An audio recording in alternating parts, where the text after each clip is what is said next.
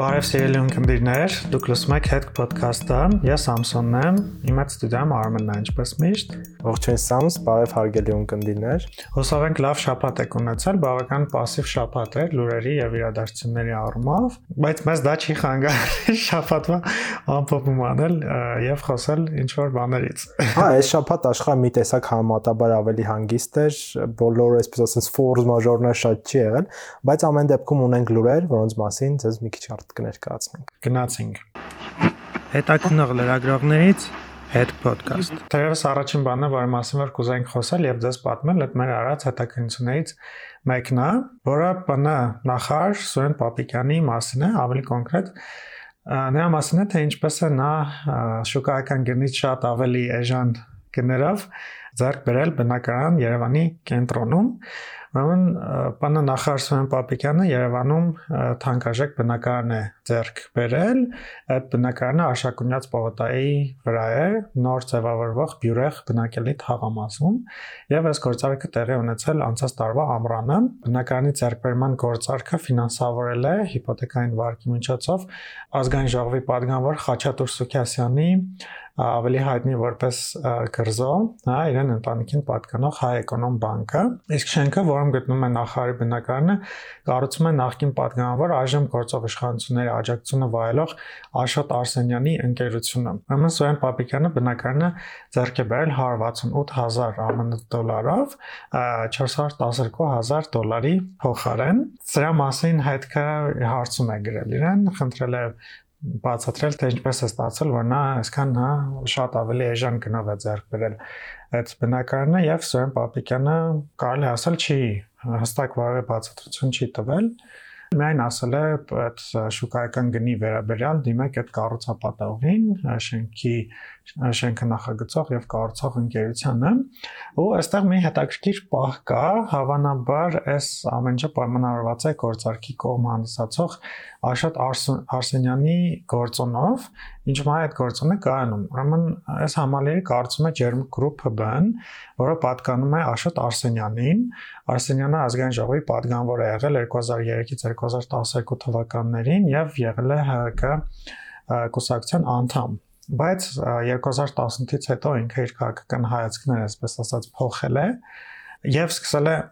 հարել հա գործող իշխանություններին 2019-ին Ջերմը գրուպը Երևանի քաղաքապետարանին նույնիսկ ձյուն մաքրելու մեքենաներ է նվիրել դրանց հետո ստացել է Արշակունյաց պողոտայում հենց այս բարձրահարկ բազմաբնակարան համալիր կառուցելու թույլտվությունը ու նույն տարում 2019-ին քրեական գործ է հարուցվել Արսենյանի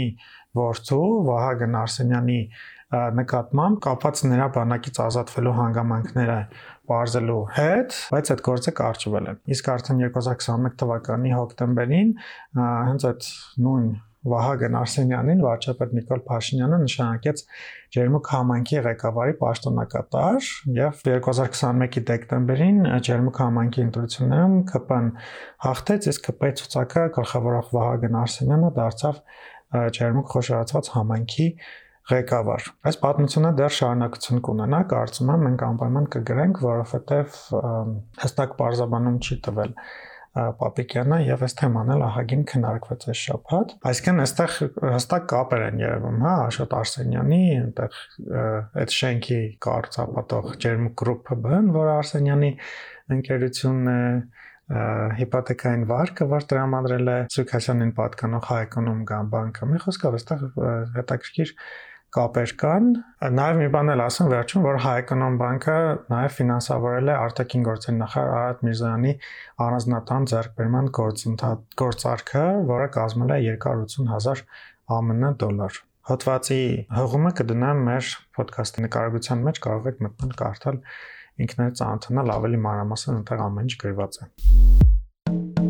Մի քանի օր առաջ անցնում էի ցերեկով եւ տեսա, որ Նորզովք սուպերմարկետներից հանցի սուպերմարկետներից մեկ օր բավականին մոտ է գտնում մեր աշխատավայրին, փակա ինչ տարօրինակ էր, որովհետեւ ցերեկով միշտ այդ սուպերմարկետները բաց են, աշխատում են, շատերը այդ թաղամասում օգտվում են դրանից եւ ես ինքս էլ անձամբ իմ հիմնական գնումները կատարում եմ հենց այդ սուպերմարկետներից հանցից ու ինձ համար դա բավականին տարօրինակ էր թե ինչու կարա օրը ցերեկով այդ սուպերմարկետը տենց փակ լինի եւ որևէ հայտարարություն չկար, որ ինտերնետում էլ այդ բանը նայեցի, որևէ ինչ որ մեկնաբանություն չկա եւ մի քանի ժամ անց հայտնի դարձավ, որ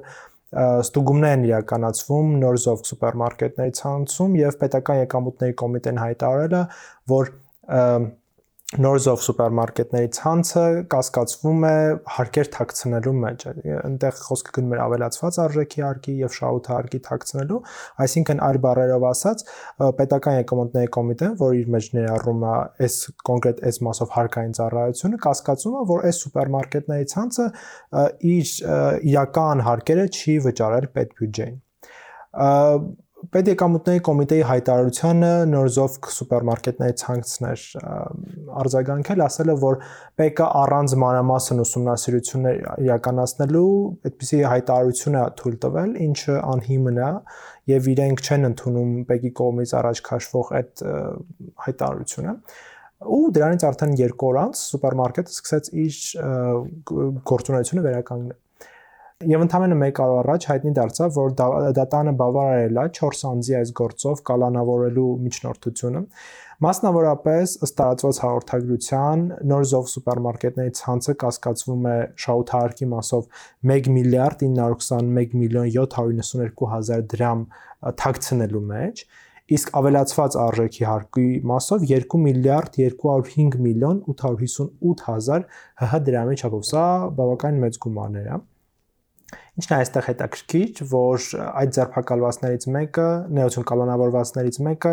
նաև տվյալ սուպերմարկետների ցանցի սեփականատերն է, նրա անունը Արամ Արամյան է։ Արամ Արամյանը Մեսրոպ Արամյանի հոգեվորական քահանա Մեսրոպ Արամյանի եղբայրն է շատերը կհիշեք իհարկե Մեսրոպ Արամյանին նա այբ այբ դպրոցի կրթական ծրագրի կամ Արարատյան բակալավրիատ են նաև դրան ասում դրա ինքը հեղինակն է եւ նաև հոգաբարձությունների խորհրդի հիմնադիր նախագահ ինքը FAST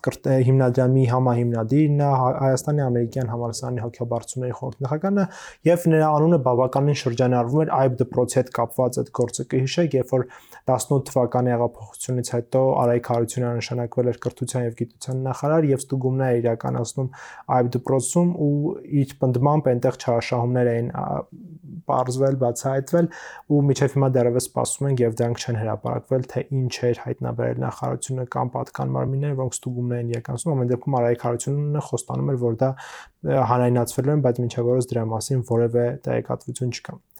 Ամեն դեպքում սուպերմարկետների ցանցը շարունակում է իր գործունեությունը, բայց 4 անց կալանավորված է։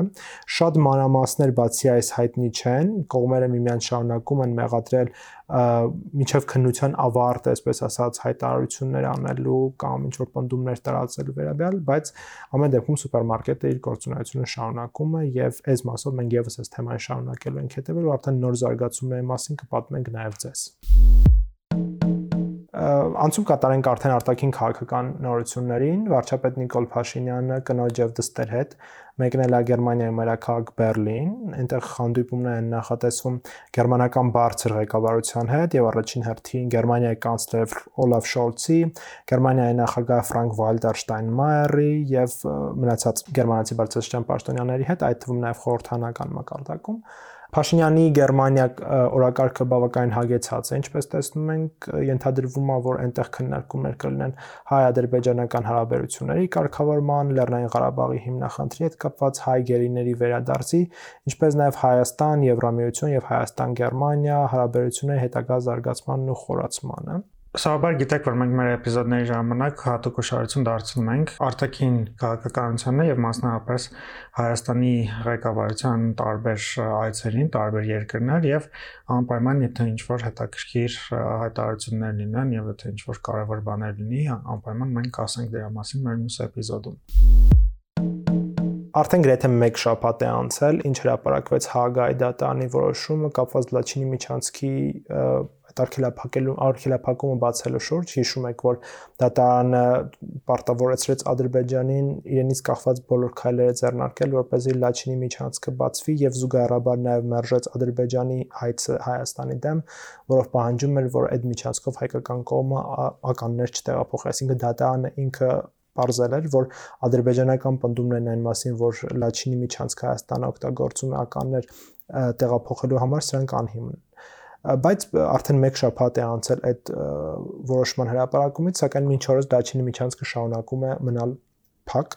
ավելին շատ-շատ ամամոլում խոսում որ Լաչինի միջանցքի փակման պատճառը գլխավոր Արցախի պետնախարարի պաշտոնում դեռ անցած տարվա նոյեմբերին Ռուբեն Վարդանյանի նշանակումն էր։ Գիտեք, որ Ռուբեն Վարդանյանը Արցախի նախագահ Արայք Հարությունյանի հրամանագրով ազատվել է արդեն այդ պաշտոնից եւ Արցախը նոր պետնախարար ունի։ Նախկին գլխավոր դատախազն է նշանակվել Գուրգեն Նարսիսյանը նշանակվել Արցախի պետնախարարի պաշտոնում, սակայն միջանցքը դեռևս շարունակում է էլի փակվել։ Այսինքն այն պնդումները, որ Ռուբեն Վարդանյանը թե հեռացվի Արցախի Լաչինի միջանցքը կբացվի, եւս մինչեւ որս այսպես իրականություն չեն դարձել, բայց պետք է այստեղ նշել, որ ռուս խաղապահների այդ շտաբում կայացել է Ադրբեջանի եւ Արցախի ներկայացուցիչների հանդիպումը,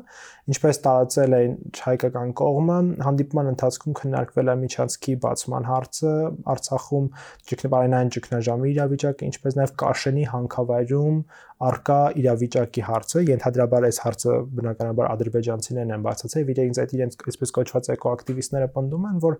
իրենք ցանկանում են մոնիթորինգ իրականացնել այդ հանքավայրերում եւ վստահաբար դե արդեն այդ հանդիպման ժամանակ իրենք նաեւ այդ հարցը կբարձրացնեն։ Նաև մեկ էլ խոսենք մեր հարևան երկրում Վրաստանում տեղի ունեցող իրադարձություններից։ Այսօր Վրաստանի խորհրդարանում քննարկվելու է մի օրնագծի նախագիծ, ըստ որի, եթե ընդունվի, դա Ռուսաստանի այդ իностранный агент, հա, ձեզ հայտնի օտարերկրագործականների մասին օրենքին է նման շատ Ռուսաստանի Վրաստանում եւ եթե ընդունվի շատ ԶԼՄ-ներ, քաղաքասարակության կազմակերպություններ կպիտակավորեն որպես օտարերկրյա ազդեցության գործակալներ։ Վրաստանի քաղաքասարակությունը եւ ԶԼՄ-ները այսօր Վրաստանի խորհրդարանի դիմաց ցույցեր են իրականացրել եւ լրագրողները եւ տարբեր հակներ մի խոսքով այնտեղ ցույցեր են սկսվել բավականին այդպես մեծա թիվ չեն այդ ցույցերը, բայց հիմնականում քաղաքացիական ներկայացուցիչներն են։ Այս օրինագծի հեղինակը ժողովրդի իշխանություն կառավարամետ падգամավորների մի խումբ է, որոնք պաշտոնապես լքել են իշխող վրացական երազանք կուսակցությունը, բայց հարում են, հա, վրացական երազանք կուսակցությունը եւ մտահղություններ շատ կան, որ այս օրենքի նախագիծը իսկապես կընդունվի, սա թույլ կտա պետությանը պիտակավորել, ինչպես ասացի, տարբեր մարդկանց, ՀԿ-ների կազմակերպություն ընկերություններ, որոնք գումար են ստանում արտերկրից, ոչ միայն ուղղակի գումար են ստանում, այլ որոնց եկամտի ավելի քան 20%-ը ստացել են օտարերկրյա ուժից, հա, եւ կստեղծվի օտարերկրյա ազդեցության գործակալների ռեգիստր, նրանց կգրանցեն այս ռեգիստրում, կամ կտուգանեն մինչեւ 25000 լարի, որը դոլարով մոտավորապես 9500 դոլար է կազմում շատ խնդրահարույց օրենքի նախագիծ է, པարզ չի դեռ կընդունվի թե չէ, այնքան խնդրահարույց են ունեցք, որ Վրաստանի նախագահը Զուրաբիշվիլին հայտարարել է, որ նա չի պաշտպանում, հա, չի ստորագրի այդ օրենքը, եթե ընդունվի եւ վետո է դնելու, սակայն որոշ լրագրողներ նշում են, որ վրացական երազանքը կարողացել է նախկինում էլ շրջանցել այդ վետոն, ամեն դեպքում սա իրական կար այս օրենսդրական նախագծի ընդունումը իրական նահանջ լինի Վրաստանում ժողովրդավարության տեսանկյունից եւ սրանով ինքը կհավասարվի օրինակ Ռուսաստանին, որը օգտագործելով այս ամեն ինչը, այս օրենքը կարողանում է լրացնել անկախ լրագրողներին, անկախ քաղաքական հասարակական գործիչներին, ցանկացած մարդու, անգամ սովորական, չգիտեմ, ինչ որ գրառման համար, որը կարող է չարտահայտի պետության տեսակետը կամ դեմ լինի դրան, իրանք պիտակավորելով մարդկանց կարողանում են նրանց լրացնել, որովհետև ըստ օրինակ ռուսական օրենսդրության, երբ որ մարդը ճանաչվում է ինքը արտասահմանյան գործակալ, բոլոր բիզնեսներին, չգիտեմ, արկելվում է որևէ գործարք ունենալ այս մարդկանց հետ, օրինակ լրատվամիջոցի պարագայում արկելվում անկերություններին գովաստ տեղադրել այդ կայքում եւ շատ անկախ լրատվամիջոցներ, որոնք նաեւ այդ բան չէին գործում Ռուսաստանում, բայց ռուսալեզու են իրենք որպես էպսին, գործում են հարևան տարածքից, օրինակ Լատվիայից բան, Այս խնդրի առաջ շատ լուրջ կանգնեցին ու իրենք հիմնական ֆինանսավորումը քանով որ գալիս այդ donation կոչվածներից, նաև արգելվեց, որպեսզի նրանք նրանց donate անեն ու այս մարդիկ սկսեցին այլ ֆինանսավորման աղբյուրներ գտնել։ Նույնը նաև գովազդի մասով արգելվեց իրենց մոտ օրինակ նույն Medusa կայքում ինքը արգելվեց բիզնեսին արգելեցին, որ այդտեղ գովաց տեղադրել, նրանք էլ արդեն ստիպված սկսեցին crowdfund անել, crowdsource անել ու փորձել իրանց այդ հարցերը լուծել։ Իսկապես շատ նման է սրանքի նախագիծը ռուսական օրինակին, որը կարծեմ դեռ 2013 թվականից կա, ուղղակի էս վերջերս են սկսել ավելի ակտիվ օգտագործել։